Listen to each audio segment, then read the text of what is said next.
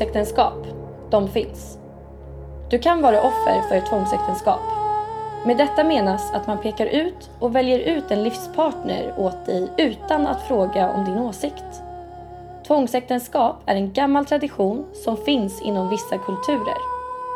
En del familjer praktiserar fortfarande denna tradition, vilket för den som drabbas ofta innebär att offra framtid och lycka. I Sverige bygger äktenskapet på ömsesidighet och det är därför enligt lag förbjudet att arrangera tvångsäktenskap. Det innebär att du har ett rättsligt skydd om du skulle utsättas för detta. Glöm inte att äktenskap är till för de som gifter sig med varandra, inte för deras respektive föräldrar.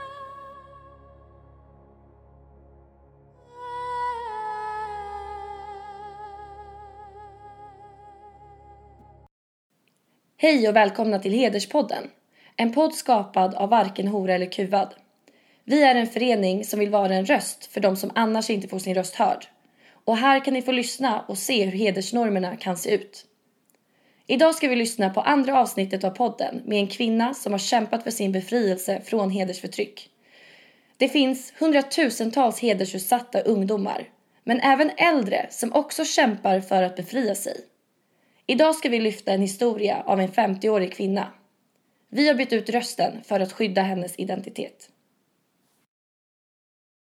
När jag var 14 år ansågs jag vara giftasvuxen och min pappa ville gifta bort mig när jag var 16 år. Bortlovades jag. I hederskulturen är sådana uppgörelser inte ovanliga i Mellanöstern. Som kvinna har du inte ett val att säga till om allt sker i det tysta. Man kom alltså överens bakom min rygg om vem skulle gifta dig med. Själv ville jag fortsätta att gå skolan. Jag älskade att studera och lära mig saker. Men nej, det gick inte. Det var omöjligt. Allt var redan klappat och klart. Min mamma hade ingen talang.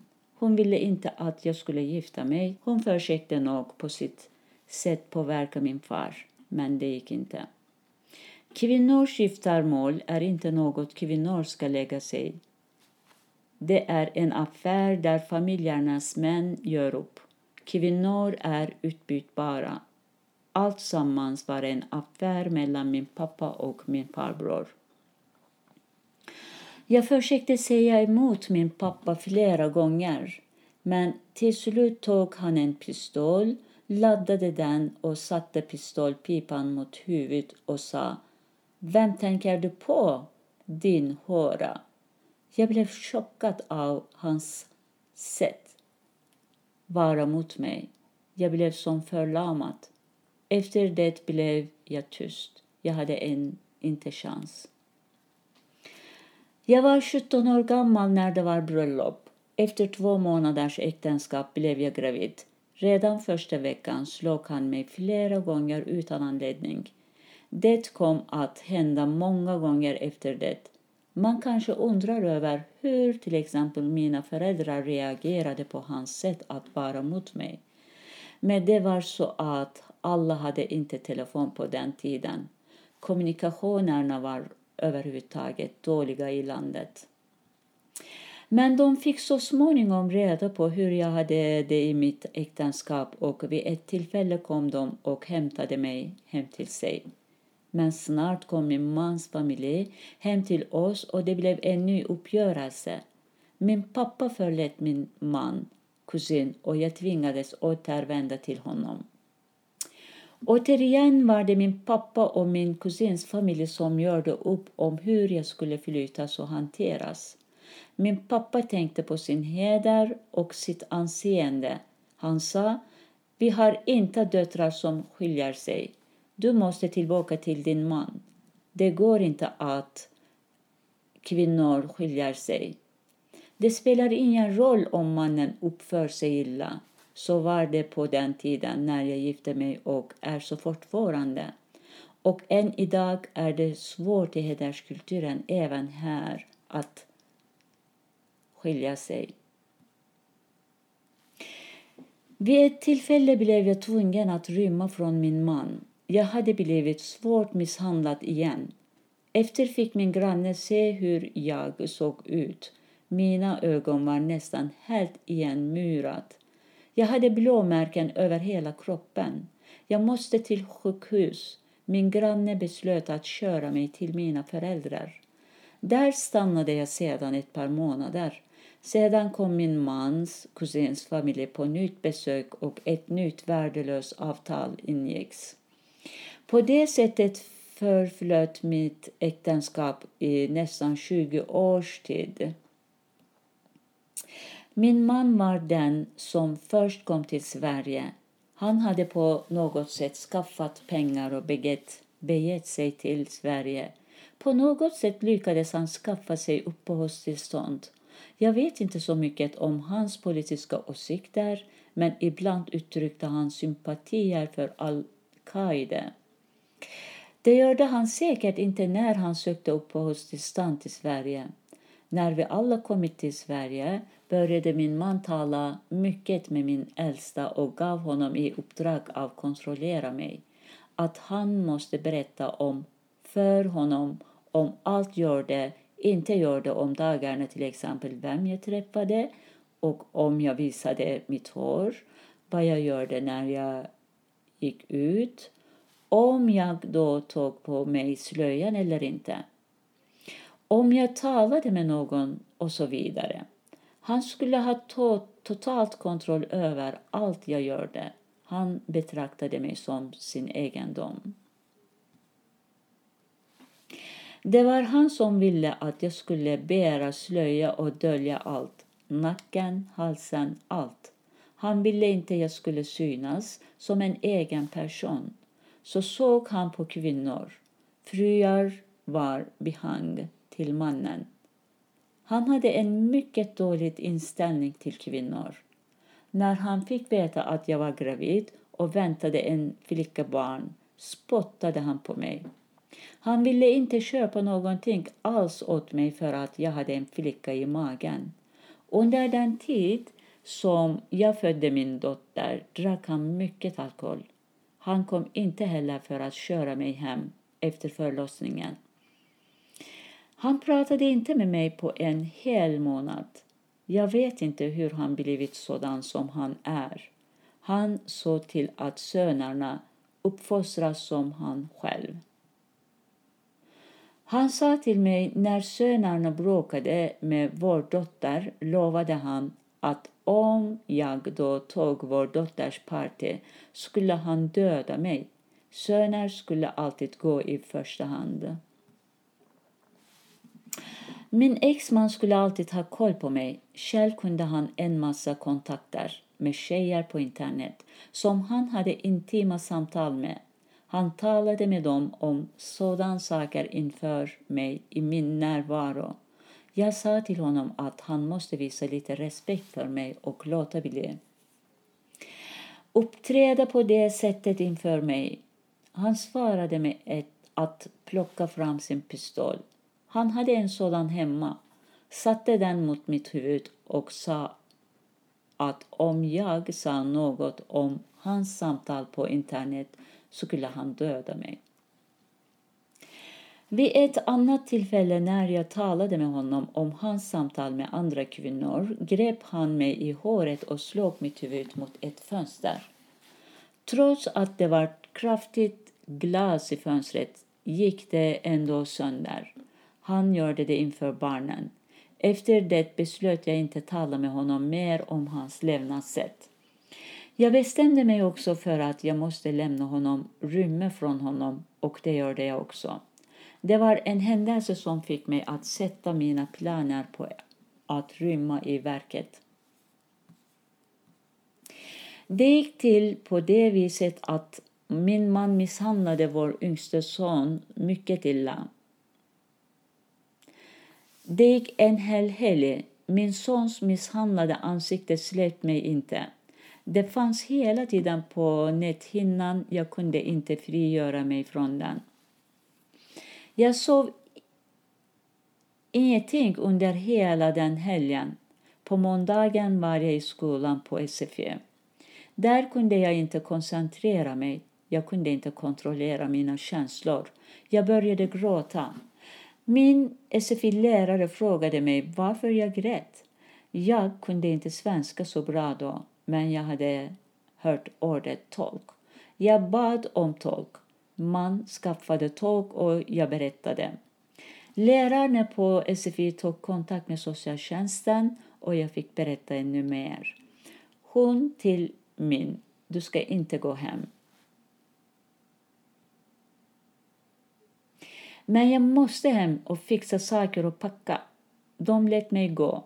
Men jag kom överens med socialen att vi skulle träffas senare samma dag på en bestämd plats inte långt ifrån där vi bodde.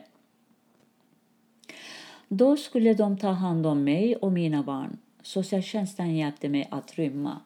Jag gick hem och packade och jag min dotter lyckades lämna lägenheten. Min man märkte inget. Jag var fruktansvärt rädd för att min man skulle upptäcka vad som hänt och skulle komma efter. Jag vågade inte vända mig om, men vi nådde mötesplatsen och där fanns folk från socialtjänsten som tog hand om oss. Sedan såg socialtjänsten till att min son som blivit slagen kom till oss.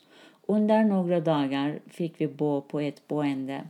Därefter blev vi förflyttade till en annan stad där man ordnade plats åt oss på kvinnojouren. På grund av hotet från exmannen och söner har flyttats runt mer än 13 gånger. Min man lät höra av sig på olika sätt. Han skulle döda mig, skära sönder mig i bitar. Han var fruktansvärt aggressiv och mycket hotfull. Han sa att han skulle betala maffiakompisar för att döda mig. Han hotade min familj i hemlandet, särskilt min mamma. På olika sätt har min man flera gånger lyckats att ta reda på var jag och mina barn bodde. Så vi har varit tvungna att flera gånger flytta till nya ställen. Vi har bott överallt i Sverige. Det är inte något tryggt liv för någon av oss. När jag skilt mig och lämnat min man kunde jag bestämma över mig själv. En av de första sakerna jag gjorde var att kasta slöjan. Jag har aldrig tyckt om att bära slöja. Det var så skönt när jag tog bort den. Alla kvinnor gör inte som jag gör. De gör, de gör det inte därför man säger att det är vanhedrande att ta av slöjan. Det förstår jag inte alls. Man säger att det haram, det vill säga förbjudet. Men jag menar, varför ska jag inte få bestämma det själv? Man hotar med att Gud kommer att straffa mig. Man förmanar mig och säger att kvinnor ska lyssna på sina män. Vad då? Gud och männen är det samma sak. Jag är muslim, men jag ber inte och jag går aldrig i moskén. Varför ska jag göra det? När det gäller Gud så är min tro en sak mellan honom och mig. När jag rymde, skilde mig och tog av mig slöjan kallade de mig Hora. Det var folk omkring mig och även min egen och hans familj samt bekantar som gjorde det, inte Gud.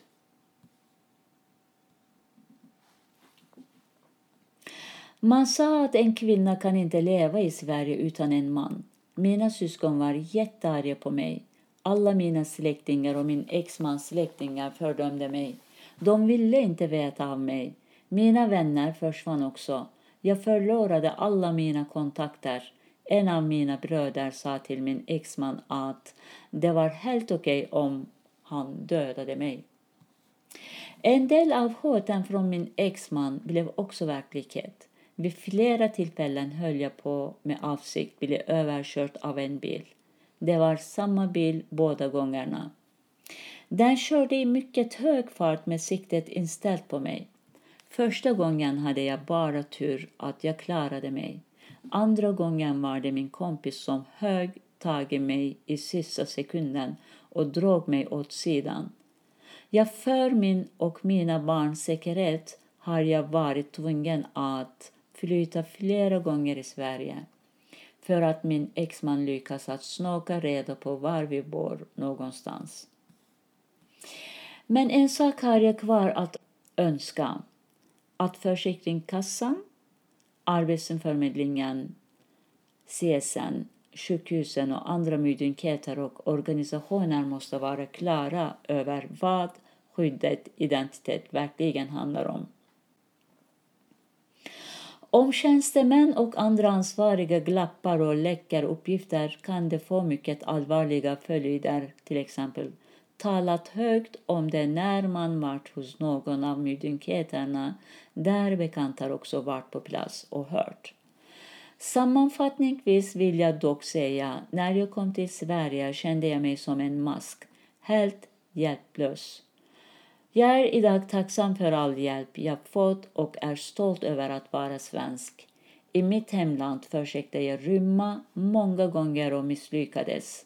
I Sverige rymde jag och lyckades. Idag är jag stolt över att jag kunnat göra mig fri och över att jag kunnat skydda mina barn. Jag har ett arbete och tagit av slöjan, lärt mig svenska och känner mig fri. Kvinnor som jag som kommer till Sverige måste första, förstå att i Sverige är det inte så att männen bestämmer över dem. Vi har rätt att gå vart vi vill och göra vad vi vill utan övervakning. Vår vilja räknas. Men för att komma dit måste vi vara starka, kämpa, för det finns krafter som vill precis raka motsatsen. Friheten kommer inte av sig själv.